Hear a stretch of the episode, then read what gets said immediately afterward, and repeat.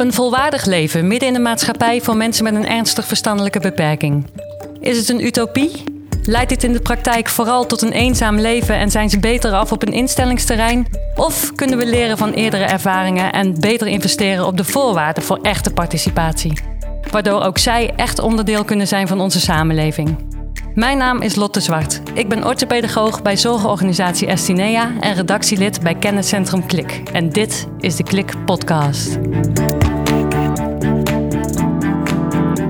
Deze aflevering hebben we het over een groot thema: de integratie van mensen met een ernstig verstandelijke beperking in de maatschappij. De visie hierop is door de jaren heen veranderd. Een volle tafel vandaag. Naast mij zit Marijke Mals, auteur van het boek Hoe gehandicapten hun thuis verloren: de gevolgen van een falend beleid.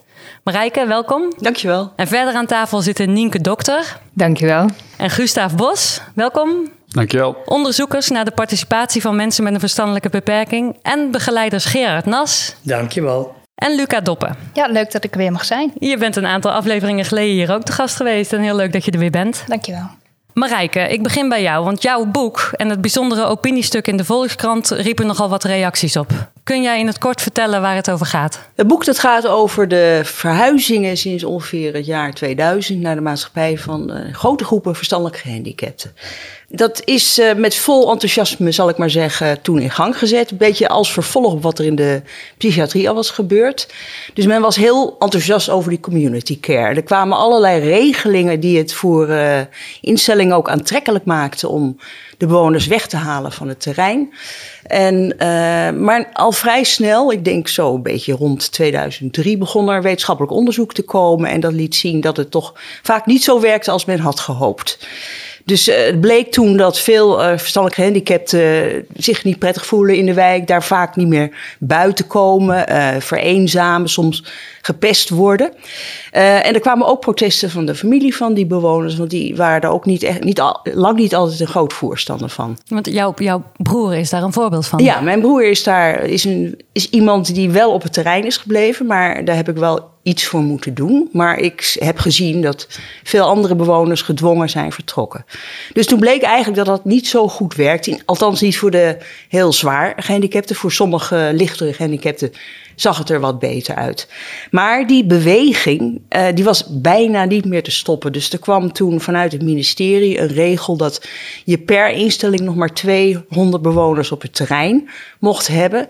En dat hield voor veel instellingen in dat ze honderden bewoners weg moesten verhuizen. En het werd dus financieel aantrekkelijk gemaakt voor instellingen om ze weg te verhuizen. En wat bleek na verloop van tijd is dat er ook allerlei vastgoedplannen waren ontwikkeld voor die terreinen.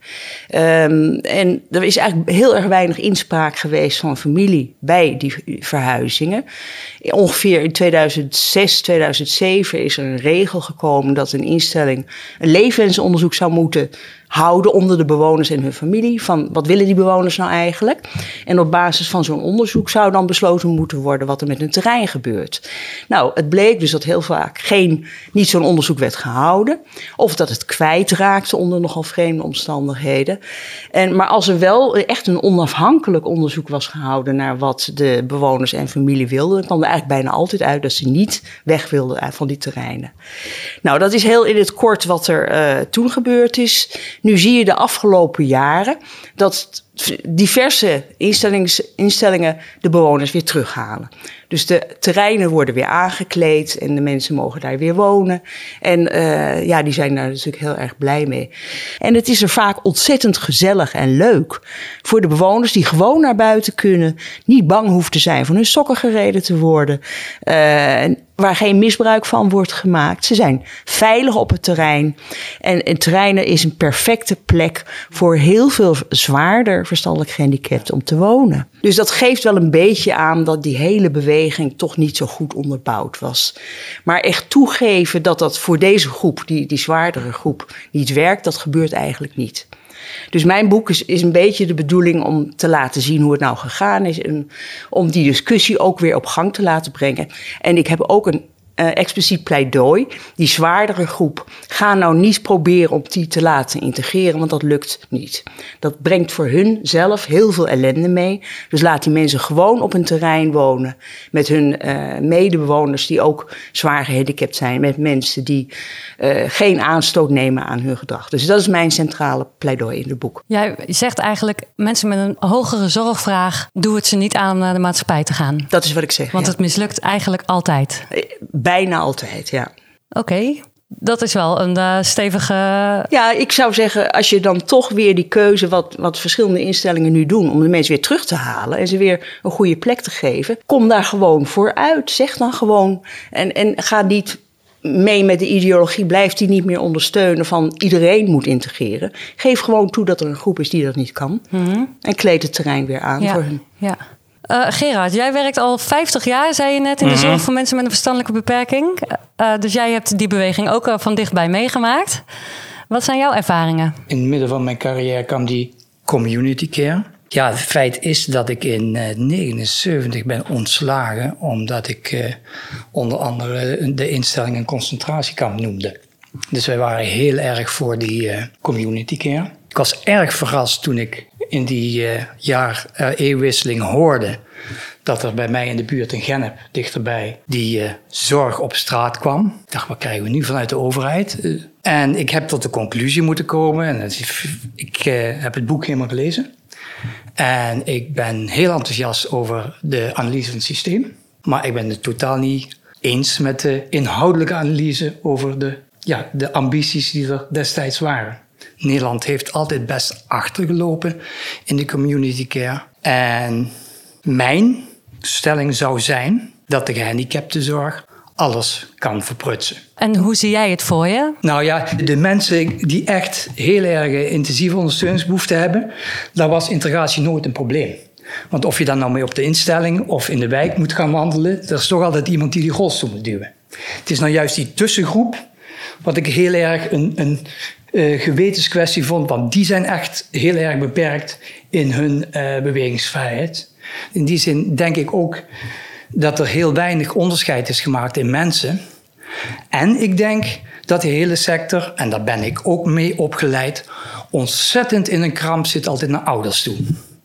Wij zijn heel slecht omgeleid om, om als, als, uh, verwant, met verwanten te werken. Dus het is ook een stuk cultuur waarin dat hele stuk van ouders serieus nemen, familie serieus nemen, niet goed is gedaan.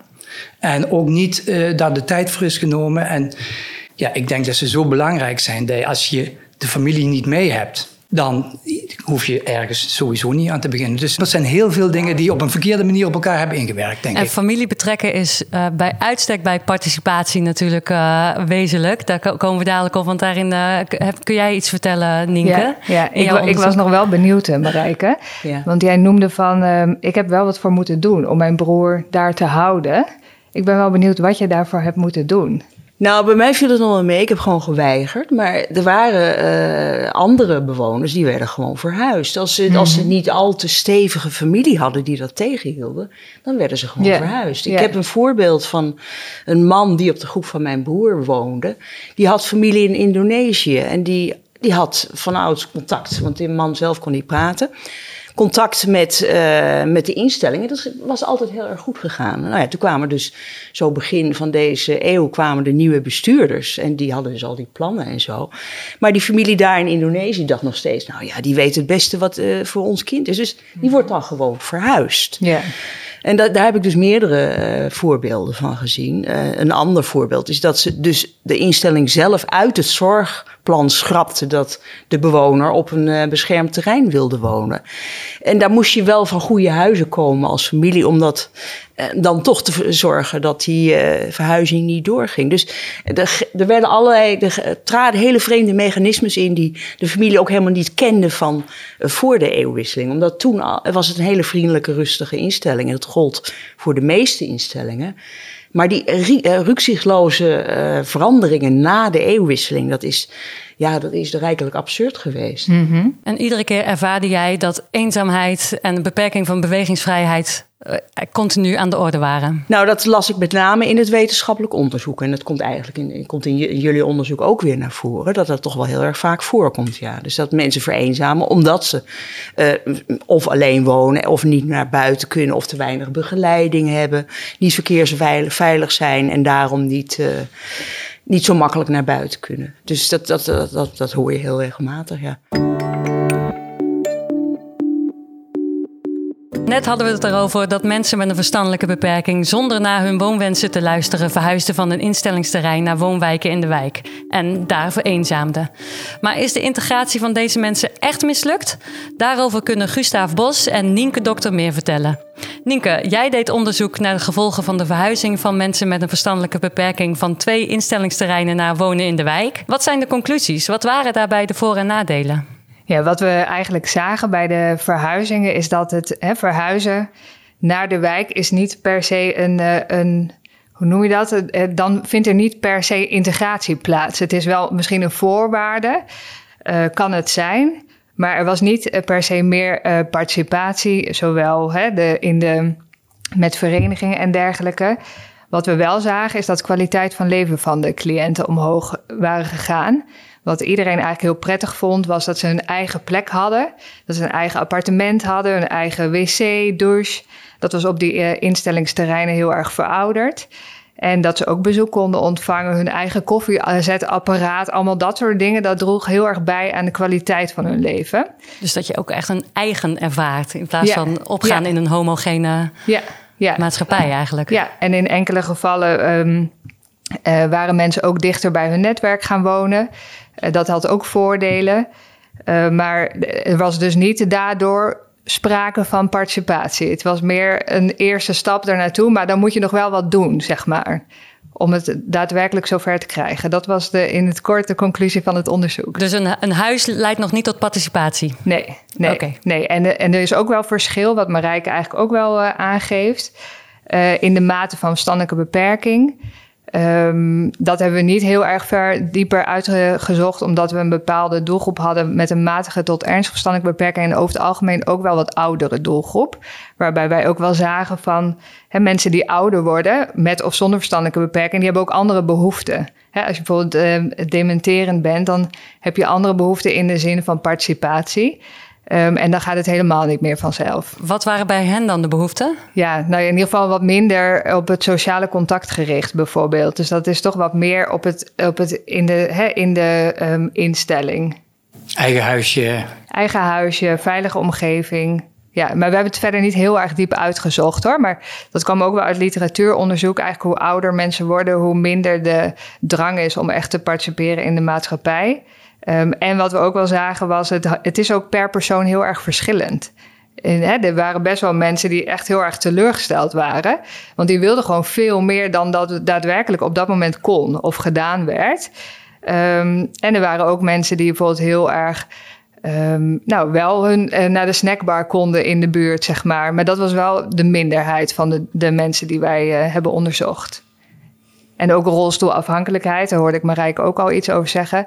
Ja, dat, dat maakt ook al dat je wat meer afhankelijk bent van de ander om te gaan participeren. Mm -hmm. Dus, maar goed, jouw conclusie was dus eigenlijk, hè, en dat is ook de titel van je boek, participeren moet je organiseren. Precies, ja. Hè, het, uh, het, faciliteren van een huis, daarmee ben je er nog lang niet. Daarmee dat ben je er nog niet. stap 1. Ja. ja, klopt. Ja. Gustav, jij hebt op verschillende plekken onderzoek gedaan naar omgekeerde integratie, waarbij je juist mensen zonder beperking op het instellingsterrein komen wonen. En wat zijn jouw ervaringen daarbij? Ja, omgekeerde integratie, dat was destijds vaak ook een, een, eigenlijk een, een, alternatief of een tegenreactie op um, de, de aanvankelijke integratiebeweging. En dat betekende ook nogal iets voor wat er vervolgens kon gebeuren onder omgekeerde integratie. Dus in, in eerste instantie waren heel veel mensen die redelijk sociaal vaardig waren, mensen met een verstandelijke beperking, naar, naar de reguliere woonwijk verhuisd. Dus wat, wat vaak aan populatie, om het zo te zeggen, overbleef op die instellingsterreinen, waren vaak mensen met een ernstige beperking of met een grote zorgvraag of mensen die al 40 jaar daar woonden. Allemaal mensen van wie werd gedacht, voor hen is het beter om hier te blijven. Maar ook mensen met wie contact met de buitenwereld minder voor de hand lag. Dus dat is ook al goed om, om je te realiseren als het gaat over omgekeerde integratiebeleid. Dat de plekken waar ik in ieder geval uh, ehm, onderzoek heb gedaan. En wat daar vervolgens gebeurde, was dus dat heel veel mensen ehm, ook maar weinig buiten kwamen of weinig buiten kwamen zonder begeleiding. En de rode draad eigenlijk in mijn, in mijn onderzoek of in mijn proefschrift is ook geworden van dat, dat ehm, zodra dat contact een beetje ongemakkelijk werd, en dat werd het in heel veel gevallen, uh, gingen mensen dat uit de weg. Je zou kunnen zeggen dat is een algemeen menselijk iets wat mensen doen op het moment dat contact. Ja, als je contact met iemand anders hebt, wil je graag dat het soepel gaat en dat het makkelijk gaat. En um, ja, dat, dat, dat maakt niet uit of het over verstandelijk of wat, wat dan ook. Of ook, ook in je eigen relaties, maar zeker ook in de publieke ruimte als dat ingewikkeld wordt, dan loop je er met een boogje omheen. Dus dat zag je heel veel gebeuren. En daar heb ik op verschillende niveaus analyse van gemaakt. Dus dat zag je aan de ene kant gewoon in het alledaagse leven in de buurt. Dat zag je ook als zorgverleners uh, bij dat contact betrokken waren. Dan waren ze ook vanuit allerlei goede bedoelingen. Frustreerden ze vaak het contact als dat al plaatsvond. Of als er al iets van ontmoeting plaatsvond. En je zag het tenslotte ook vaak in de beleidsplannen. Zowel van de, van de instellingen als ook van de overheid daar ging het niet over verschil of ongemak of over dat het ingewikkeld was. Daar ging het vooral heel erg over, eh, over dat het verrijkend was en dat het mooi was en dat diversiteit iets, iets was om, om te vieren. En dus daar, daar ontstond ook een soort schisma tussen de geleefde ervaring van veel mensen, waarin het ook over pijn en ongemak en verwarring ging. En nog steeds de behoefte om het met al die dingen ook bij te horen. Dus dat vind ik ook wel fijn om daar om, over integratie wordt vaak geoperationaliseerd als, als, als wonen. Maar integratie gaat natuurlijk, kan natuurlijk over veel meer gaan. Het, het heeft ook gewoon te maken met erbij horen op een of andere manier. En een uitwerking ervan, waar we met z'n allen heel kritisch op zijn. Uh, uh, is, is dat wonen. En is inderdaad dat, dat een huis neerzetten en dan verwachten dat integratie dan tot stand gekomen. Maar het gaat over veel meer. En eigenlijk ontkennen we dat ongemak dus. En door dat te ontkennen, ja, blijven we een beetje om elkaar heen draaien. Ja, want als je het hebt over organiseren, dat is natuurlijk ook fascinerend. Kun je, hoe, hoe, hoe organiseer je dat? Dus, dus um, op individueel niveau uh, kun je dat organiseren? Tenminste, dat probeer ik in ieder geval aan bij te dragen in onderzoek wat we doen. Proberen we inderdaad contacten voor elkaar te krijgen met vallen en opstaan. En als het ingewikkeld wordt, erbij blijven, uitzoeken wat is er nou ingewikkeld. Maar als, als mensen bereid zijn om contact met elkaar aan te gaan.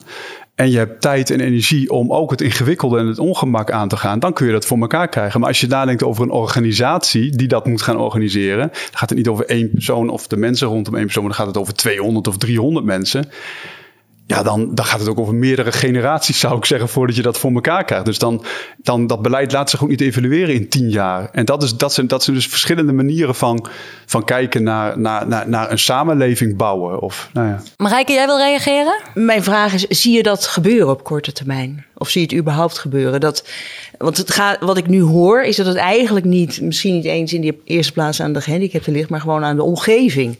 En de omgeving wil niet. En dat is gewoon elke keer lezen we dat weer. Er is een uh, groot verzameloverzicht van Cummins en Lau, die dat ook constateren uit 2003 voor andere landen, Australië, uh, Engeland, Engeland en nog een. Ja. Ook weer van fysieke integratie. Nou, dat, dat, we stoppen ze gewoon in een wijk.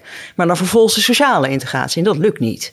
Nou, in Nederland wonen we veel dichter op elkaar dan in Australië. En hier lukt het helemaal niet. Uh, Noorwegen is het geloof ik een beetje gelukt. Maar mijn vraag is, denk, denken jullie dat dat ook gaat veranderen? En moet je de verstandelijk gehandicapten daar...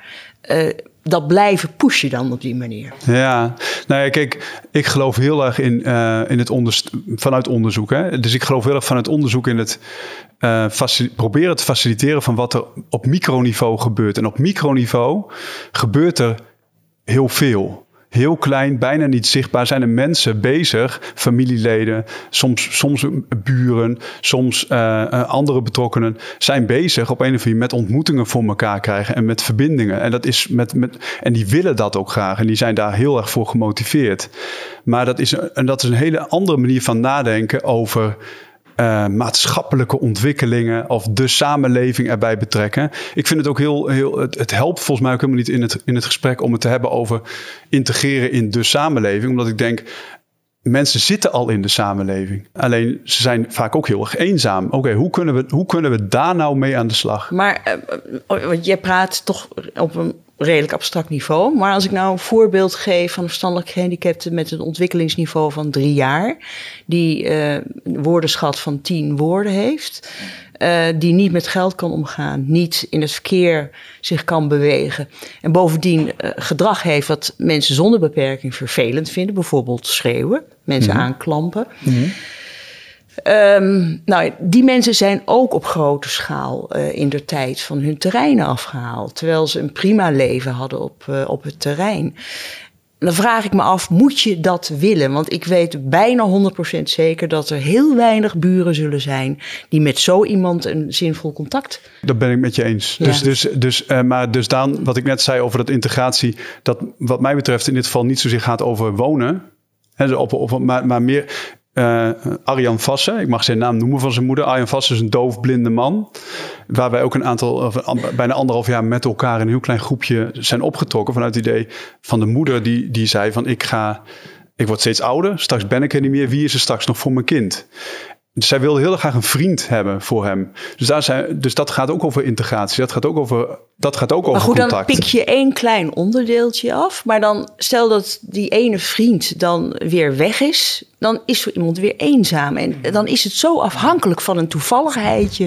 wat er op dat moment is. Maar waarom is dat een toevalligheidje? Dat is de- dat, we hebben anderhalf jaar gewerkt aan het zoeken van een vriend. En inmiddels is hij, zijn zij nu vier jaar vrienden met elkaar. Nou, dat is prachtig. Maar ik denk dat het toch in het geheel maar een heel klein onderdeeltje is van wat je eigenlijk zou willen als integratie. En waarvan men ook uitgaat dat het kan. En daar ben ik gewoon erg huiverig voor. Luca, jij wil hier iets over zeggen? Ik denk dat dat al een heel groot onderdeel is. Ehm, als ik kijk naar de bewoners met een ernstige bevoudige beperking bij mij, als ik met hun het dorp in ga. Ik zeg altijd, eh, zie het als het leren van een andere taal. Als ik jou vraag, mogen Spaans spreken, dan lukt dat waarschijnlijk niet. En dat is eigenlijk voor mensen met een verstandelijke beperking. Die uiten zich op een andere manier. Ik ben de vertaler op dat moment als begeleider, zodat de anderen nader tot elkaar komen. Ik heb daar ook een rol in. Ik heb daar iets in te doen om die anderen naar elkaar te brengen. Dus ja, eh, ze kunnen onbegrepen gedrag laten zien, zoals schreeuwen. Maar dat kun je dan heel goed vertalen, juist voor die anderen. Waardoor je juist nabijheid, nabij je. Maar komt. ik ben toch zo erg bang dat de buren daar misschien toch wel anders over denken. En daar heb ik dus ook voorbeelden van gezien. Van buren die een. eh, ja, dat is dan de andere kant, maar die daar gewoon helemaal niet blij mee waren. Waardoor die bewoners in zo'n locatie geheel opgesloten raakten. Er zijn ook plekken gekomen waar hoge muren zijn gezet om dit soort locaties. En dan komen we inderdaad weer terug op wat eh Nienke ook aangaf. Hè, van het, het is, hè, in jouw onderzoek blijkt ook, bij een huis alleen zijn we er nog niet. Er is nog veel meer voor nodig. En in de goede, in de geslaagde gevallen lijkt het daar ook de X-factor te liggen. Kun je daar iets over vertellen? Ja, nou ja, wat, wat wij eh, ehm, uit het onderzoek hè, bijvoorbeeld als advies hadden gegeven was... ehm, eh, en het gaat ook over faciliteren van begeleiders. Daar begint het bij, maar ook over anders denken. Want als je van een instellingsterrein komt... dan waren dingen ook wel van heel vanzelfsprekend. Wat super mooi en heel veel waarde had. Maar dan kom je op een locatie waarbij niet het café en de winkel... en de zwembad op het... ehm, terrein is. Dus dan moet je echt anders gaan denken. En ik denk dat dat ook wel eh, tijd nodig heeft. Maar ook dat je dat met elkaar moet bewust van zijn van... eh, dat moet, dat, die stap moet wel gemaakt worden, zeg maar. Hè, dus eh, wat wij, naar aanleiding van het onderzoek... was bijvoorbeeld een werkgroep bij... eh, bij de zeilen opgericht over eh, participatie in de samenleving. En er werd ook eh, elkaar ook geïnspireerd, zeg maar. Oh, wij doen het zo en wij doen het zo. Dus dat zijn wel mooie manieren om dat anders denken voor elkaar te krijgen. Om te leren dat je dus nu als begeleider, een onderdeel van je professie is ook Ja. naar buiten gericht Ja. zijn en Ja. niet naar binnen gericht zijn. Ja, en een heel belangrijke factor bij participatie is bijvoorbeeld vrijwilligers. En ja, die moet je ook werven, zeg maar. Want wat wij bijvoorbeeld wel zagen was vrijwilligers eh, gingen ook wel vaak mee trouwens. Die hadden ook wel de, die hadden zo'n band wel met de bewoner dat ze wel bereid waren om een uur te reizen extra. Ehm, dus die band was best wel sterk. Maar dat geeft ook weer even de ruimte om bijvoorbeeld naar de kerk te gaan, of naar een museum te gaan, of naar een markt te gaan. Allemaal dat soort eh, activiteiten. Maar goed, vrijwilligers moeten natuurlijk ook wel weer eh, opgeleid of begeleid worden in hoe ga je nou om met misschien wel wat Gustav zei, de ongemakkelijkheid in sommige contacten. Of dat iemand toch even voorbereid moet worden op eh, naar een winkel gaan. En hè, dit gaan we daar doen, dat gaan we daar doen. Dat vraagt ook wel iets van de vrijwilliger. En hoe complexer de beperkingen zijn, hoe meer dat ook wel vraagt, denk ik. En kun je het ook laten bestaan dat die ander zich ongemakkelijk voelt? En, en, en ja, want, want als je het altijd wil bufferen, dan, dan hè, om nog terug te komen wat jij net vroeg, Marijke, van zie je het gebeuren op, op korte termijn? Nou, op korte termijn zie ik het niet gebeuren. Ik zie het op verschillende plekjes wel gebeuren. En ik denk ook, ja, jij ook als zus, je, je, je hebt ooit een broer gekregen.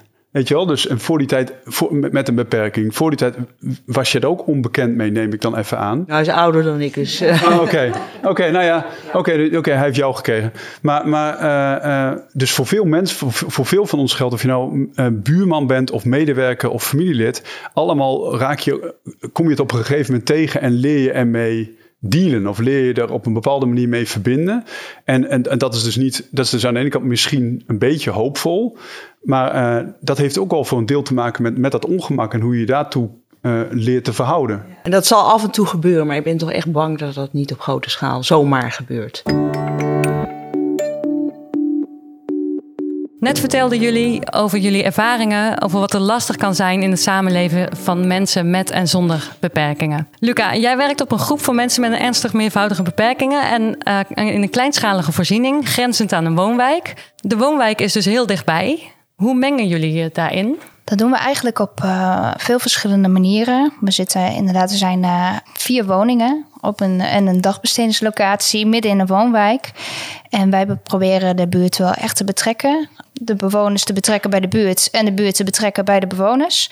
Uh, zo hebben we bijvoorbeeld een belevingstuin op het, op het terrein staan. Waar kinderen komen samenspelen met mensen met een beperking. Waar ouders komen, waardoor ze kennis leren maken met elkaar. Maar uh, ook hebben we afgelopen weken spot- en speldag georganiseerd op het terrein. Waar uh, basisschoolkinderen langs zijn gekomen. Maar ook uh, mensen van het verzorgingstehuis. Dit zijn hele mooie ontwikkelingen om elkaar te kunnen ontmoeten. En andersom? Andersom ook. zo gaan we bijvoorbeeld wel de buurt in.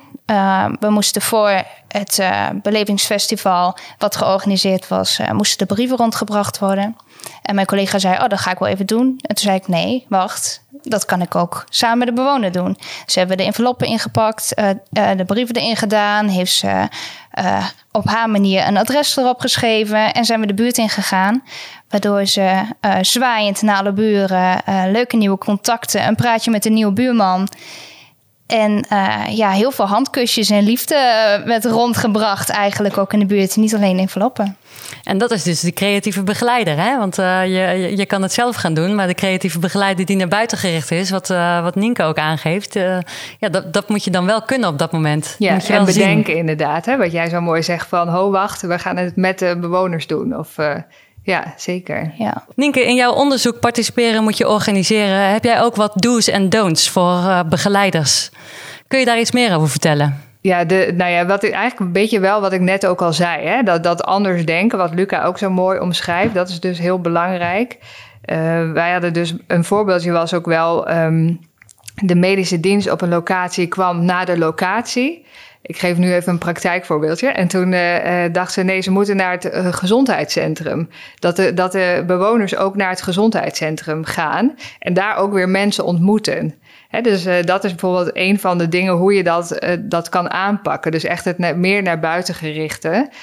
ook in, ik denk ook, hè, de buren zijn inderdaad niet altijd blij. Dat is ook wel zo geweest. Maar daar moet je juist ook heel veel contacten mee maken en goed mee in gesprek. En er ontstaan er ook wel leuke dingen. Die heb ik ook wel gezien. Um, en ook wel minder leuke dingen. Dus die heb ik ook wel gezien. Dus ik, ik denk wel dat het. Het ja, hè, de, de vrijwilliger is heel belangrijk. Um, verwanten zijn super belangrijk. En de, het anders denken van de begeleider. Ja, dus de hele sociale context betrekken en buren ja. kennis laten maken. Ja, echt zeker, kennis laten maken zeker. met de ander. Ja. Ik heb vanmorgen nog een plan zitten maken voor onze jongens om uh, te sporten. En het aanvankelijke plan was om op de voorziening een fitnessruimte te maken. Ja. En dan moet je bedenken dat je voor datzelfde geld voor vijf mensen bij Basic Fit elke week kunt zijn. Ja. Nou, dat soort van omdenken Ja, is natuurlijk heel belangrijk. zeker. Daar gaat het over. En daar ontstaan de ontmoetingen en daar ontstaan wat meer ervaringen dan alleen maar ervaringen met elkaar. Ja. ja. Ja, dat zijn mooie voorbeelden inderdaad. Luca, en want jij had ook een, uh, jij hebt ook een bewoner die wilde graag naar de kerk. Ja, klopt. Een man van uh, 88 en uh, heel gelovig. Is altijd naar de kerk geweest met zijn gezin. Ja, ik dacht, ik wil hem graag weer die ervaring. In de kerk, de akoestiek. En ja, daar heeft hij echt wel meerwaarde aan. En een gesprek gehad met iemand van de kerk. En eigenlijk zei ze letterlijk... nee, gaan we niet doen, want anderen hebben last van hem. En dat vond ik echt wel heftig. Toen dacht ik ook, jeetje, ja, ik weet ook wel, die beperking doet er niet toe. De maatschappij is de beperking vaak. Uh, ik vond die heel heftig. Ik heb dat die vrouw ook teruggegeven, waardoor ze uiteindelijk ook zei van, dat had ik inderdaad nooit mogen zeggen. Wat erg. Gewoon die bewustwording bij haar kunnen brengen van, besef je wel, we praten hier over een mens niet over een gehandicapte. We hebben het hier over een mens. En hij heeft ook behoeftes. En hij wil ook gewoon naar de kerk. Hij wil ook deel maken van de samenleving. Net als ieder ander. Ieder, iedereen wil dat. Iedereen wil meedoen. En je kan het haar eigenlijk niet eens kwalijk nemen. Nee, hè? Want zij, zij nee. ziet geen mensen met een beperking nee, over het algemeen. En dat, dat kan ik dan ook niet. En ik probeer dan ook mijn emotie wel uit te schakelen. Want het doet me echt wel wat. Maar juist om dan dat gesprek aan te gaan en die bewustwording te brengen, ja, dat is ook wel heel mooi. Want uiteindelijk kan die nu zo wel gaan. Nou gaat zijn neef dan met hem mee. Kan die wel gaan? Is die wel gewoon welkom? Ik bedoel, het gevoel dat je welkom bij, bent en erbij mag horen, ja, dat is een hele belangrijke levensbehoefte, denk ik. Het sociale contact. Ja, voor iedereen. Ja. Ook voor mensen met een meervoudige beperking? Zeker, zeker. Juist. Dat contact is anders. Maar zo puur, zo echt, dat uh, ja, je moet het gewoon, je moet ze leren kennen. En daarom ook inderdaad meenemen in, in het micro, in, in het kleine. Ja, een andere het laten ervaren. Want toen ik uh, in mijn eerste stage werd gedropt eigenlijk in de gehandicaptenzorg, zag ik het ook echt niet zitten. En vele collega's met mij. Toen dacht ik ook, wat doe ik hier? En nu ben ik er niet weg te slaan. Dus omgaan met andersheid, hè? Nou ja, en volgens mij, om nog even terug te komen wat ik, wat ik eerder uh, probeerde te zeggen, was van, uh, het is het niet alleen belangrijk om met die buren iets te doen of die begeleiders op te leiden richting de buren, maar vooral ook heel erg in die begeleiders te investeren. Vanuit het idee dat begeleiders maken natuurlijk ook deel uit van de samenleving, hè, van de hoofdstroom van de samenleving. En, maar zij, zij vinden blijkbaar, jullie vinden blijkbaar iets, en dat geldt voor mij als onderzoeker ook, voor, op, tot op zekere hoogte, in die marge van de samenleving, in iets wat misschien niet overal even zichtbaar is. Wat, wat gigantisch aantrekkelijk is. Wat, waar, waar je heel veel van jezelf in kwijt En wat je ziet in de gehandicaptenzorg tegenwoordig is natuurlijk dat een komende gaan is van begeleiders. Dus daar moet je ook weer, denk ik, als organisatie heel goed over nadenken hoe dat kan. En ook hoe je, hoe je daar weer aan kunt bouwen. Want primair voor iedereen geldt, naast dat huis, dat er mensen zijn in jouw huis met wie je het fijn hebt en met, met, met wie jij uh, uh, op je gemak bent. En met wie je dan misschien ook nog wel naar buiten durft en, en andere mensen willen ontmoeten. Maar dat, dat, is wel de, dat is wel de volgorde. Als je mensen, begeleiders gaat leren, die komen en gaan. Ja, je moet ook richting uh, af en toe naar het buurthuis toe. Maar er is geen vertrouwensband tussen de mensen om wie het gaat en hun begeleiders. Ja, dan, dan wat bouw je dan op? Dan bouw je, dan bouw je niks op. Dus beginnen bij dat contact met Guus, die dat vond ik ook een van de mooie dingen in je boek. Jouw ontzettende loyaliteit met de groepsleiding. Ja. Ja. Dit is alleen maar positief en sluit heel erg aan op wat, wat, wat, wat Gustav nu ook zegt. Dat, ja, er zijn ook nieuwe ontwikkelingen. Hè? Ik denk aan Reinders en Baart, die ook zeggen van je moet die groepsleiding meer ruimte geven en je moet die bureaucratie die erboven zit en die heel erg, ja, we hebben alles toch dicht getimmerd met de regels. Daar zit de toekomst, want daar zit ook het contact. Als de groepsleiding de ruimte voelt om ook zelf hun beoordelingsvermogen gehoord En te zien. op dat punt eh, uh, heb ik gemerkt in die periode dat het niet zo goed ging, is dat die groepsleiding ook steeds vergeefs uh, aanklopte bij de, bij de directie. Die zagen ook dat die gedwongen verhuizingen helemaal niet in het voordeel waren van, van al die bewoners. En daarom dat wij ook uh, als familie heel nauw contact hielden met die groepsleiding, dus met de medewerkers. Maar we merkten ook dat zij heel erg bang waren om te zeggen dat zij niet voor die verhuizingen waren. Dat mocht gewoon een tijd lang helemaal niet. Dus ook op hun ontzettend veel druk gelegd om mee te werken, om mensen uit die instelling te verhuizen. En eigenlijk de conclusie is: een goed leven, dat valt of staat bij een begeleider die jou uh, een goed leven kan bieden. En een veilige plek op een terrein voor, voor een groot deel. Ja, je haalt Inge Mans nog aan in het boek. Ja. Inge Mans die zegt altijd van de enigste model wat de mensen zelf hebben verzonnen, is het relatiemodel. En dan komt weer terug op de eenzaamheid. En dan komt op terug op, op dat ze altijd je beste vriend willen zijn. Daar ligt de primaire behoefte en de continuïteit in relaties. Ja, vaste teams, vaste groepen. Ja, dat wordt steeds moeilijker. En, en daar ben ik het ook wel heel erg met Gustav eens. Want uh, die vertrouwensband met die begeleiders, denk ik wel de basis om ook, uh, hè, om ook te kunnen participeren. Want een mooi voorbeeldje van uh, um, uh, van een groep waar ik uh, destijds werkte, was dat ze toch naar de IKEA gingen. En dat was best een uh, pittige groep, om het zo maar te zeggen, hè, waar wel wat wrijving ging ontstaan. En dat deden ze toch. En dan iedereen, en iedereen was achteraf super blij en enthousiast, want we hebben het gedaan. Maar daar was wel een hele goede band met de begeleiders en een vast team. dus dat zijn wel um, hele belangrijke aspecten hierin. En met dat soort ervaringen krijg je een, eigenlijk een beetje wat jij in het begin zei, krijg je, voel je jezelf een eigen. En ja. heb je iets gedaan wat je niet van tevoren had bedacht van jezelf. En doe je ervaringen op die je niet krijgt in een beschermde omgeving als een terrein. En, nee, en maar durf je dat, dat soort maar dingen ook? Durf je, hè? dat, ja. Ja, durf je dat als begeleider ook? Precies. En daar is... Uh, ja, dat is eigenlijk de X-factor. Zo lijkt het ook wel. Ja. Zit echt in het hele kleine. Als ik naar de supermarkt ga met de bewoner en de cashier spreekt mij aan, draai ik het gesprek om naar de bewoner. Hmm. Het zit in het hele kleine, zodat ze ook beseft van, oh ja, dat kan gewoon. Daar zit het al. Daar zit het hem al in. En de volgende keer als je bij diezelfde cashier staat... Ja, dan weet ze het. Dan weet ze het, ja. ja. Ik zou dus ook nogal een pleidooi willen houden... voor dat ook nog op andere manieren na willen denken... en ook het belang willen zien van integratie. Uh, wij hebben nu een aantal jaar een project gedaan... met een aantal uh, mensen die helemaal geen ervaring hadden in de zorg. He, die hebben een aantal jaren meegelopen in hele complexe zorgsettingen... En wat daar eigenlijk heel erg uitkomt, is dat als een setting heel besloten is, en dat is natuurlijk ook een risico met een besloten instellingsterrein, dan kan er ook een naar binnen gerichte cultuur ontstaan. En dat kan allerlei goede kenmerken hebben van veiligheid en bescherming, maar dat kan, kan ook nadelige effecten hebben, dat er niet meer buiten het eigen gelijk of buiten het eigen idee wordt gekeken. Binnen dit project merkten we in ieder geval dat door de inzet van mensen vanuit de politie, iemand die een aantal jaar op straat had overleefd, uh, uh, kunstenaars, andere mensen dat, dat, dat dat heel erg hielp om het gesprek ook weer over andere dingen te hebben. Verrassend genoeg, of misschien helemaal niet verrassend genoeg, vaak ook dingen waar we verwanten, familieleden het heel vaak over wilden hebben, maar dat familieleden ook tegen van allerlei muren aanliepen. Dus het gesprek hebben over andere dingen dan die binnen zo'n gesloten instelling van belang zijn. Ja, dat, dat, dat is ook een uitdaging. Dat gaat dus verder dan alleen die individuele begeleider die klein moet kijken. Het gaat ook over hoe je als organisatie op een of andere manier organiseert of open staat voor andere manieren van kijken naar wat een goed leven is. Niet alleen binnen, binnen hoe je het zelf behapbaar kunt organiseren, maar ook nog ja, op die manier ook, ook ongemak of dat ja. je jezelf kunt laten verwarren. Ja, ja. Nou. Jij, jij refereert naar de buitenstaanders van uh, Project Weef. Ja, ja, precies. Ja, Heel mooi project inderdaad, ja.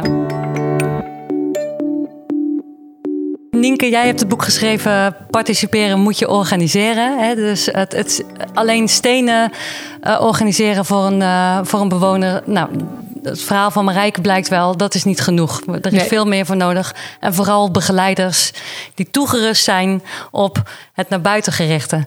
Ja. Aan jou het laatste woord. Wat is uh, jouw advies aan organisaties? Nou, ik denk dat het belangrijk is om echt per cliënt te kijken wat is nou zijn of haar plek in de samenleving. En hoe organiseer je dat dan? En, uh, dat, en dan moet je ook dus die begeleiders gaan faciliteren. En dat anders denken is dan heel erg belangrijk om daar ook met elkaar over te hebben en elkaar daarin te inspireren. En dat heel goed kijken naar de persoon, zeg maar, is denk ik daarin de essentie. En dan ga ik nog even door. Want die vertrouwensband met die begeleider is daarnaast ook nog een, echt een hele belangrijke toegevoegde wat vandaag gezegd is. Dus de begeleider die kan, kan het succesvol maken. Zeker, ik denk dat dat echt een hele belangrijke factor is in het geheel.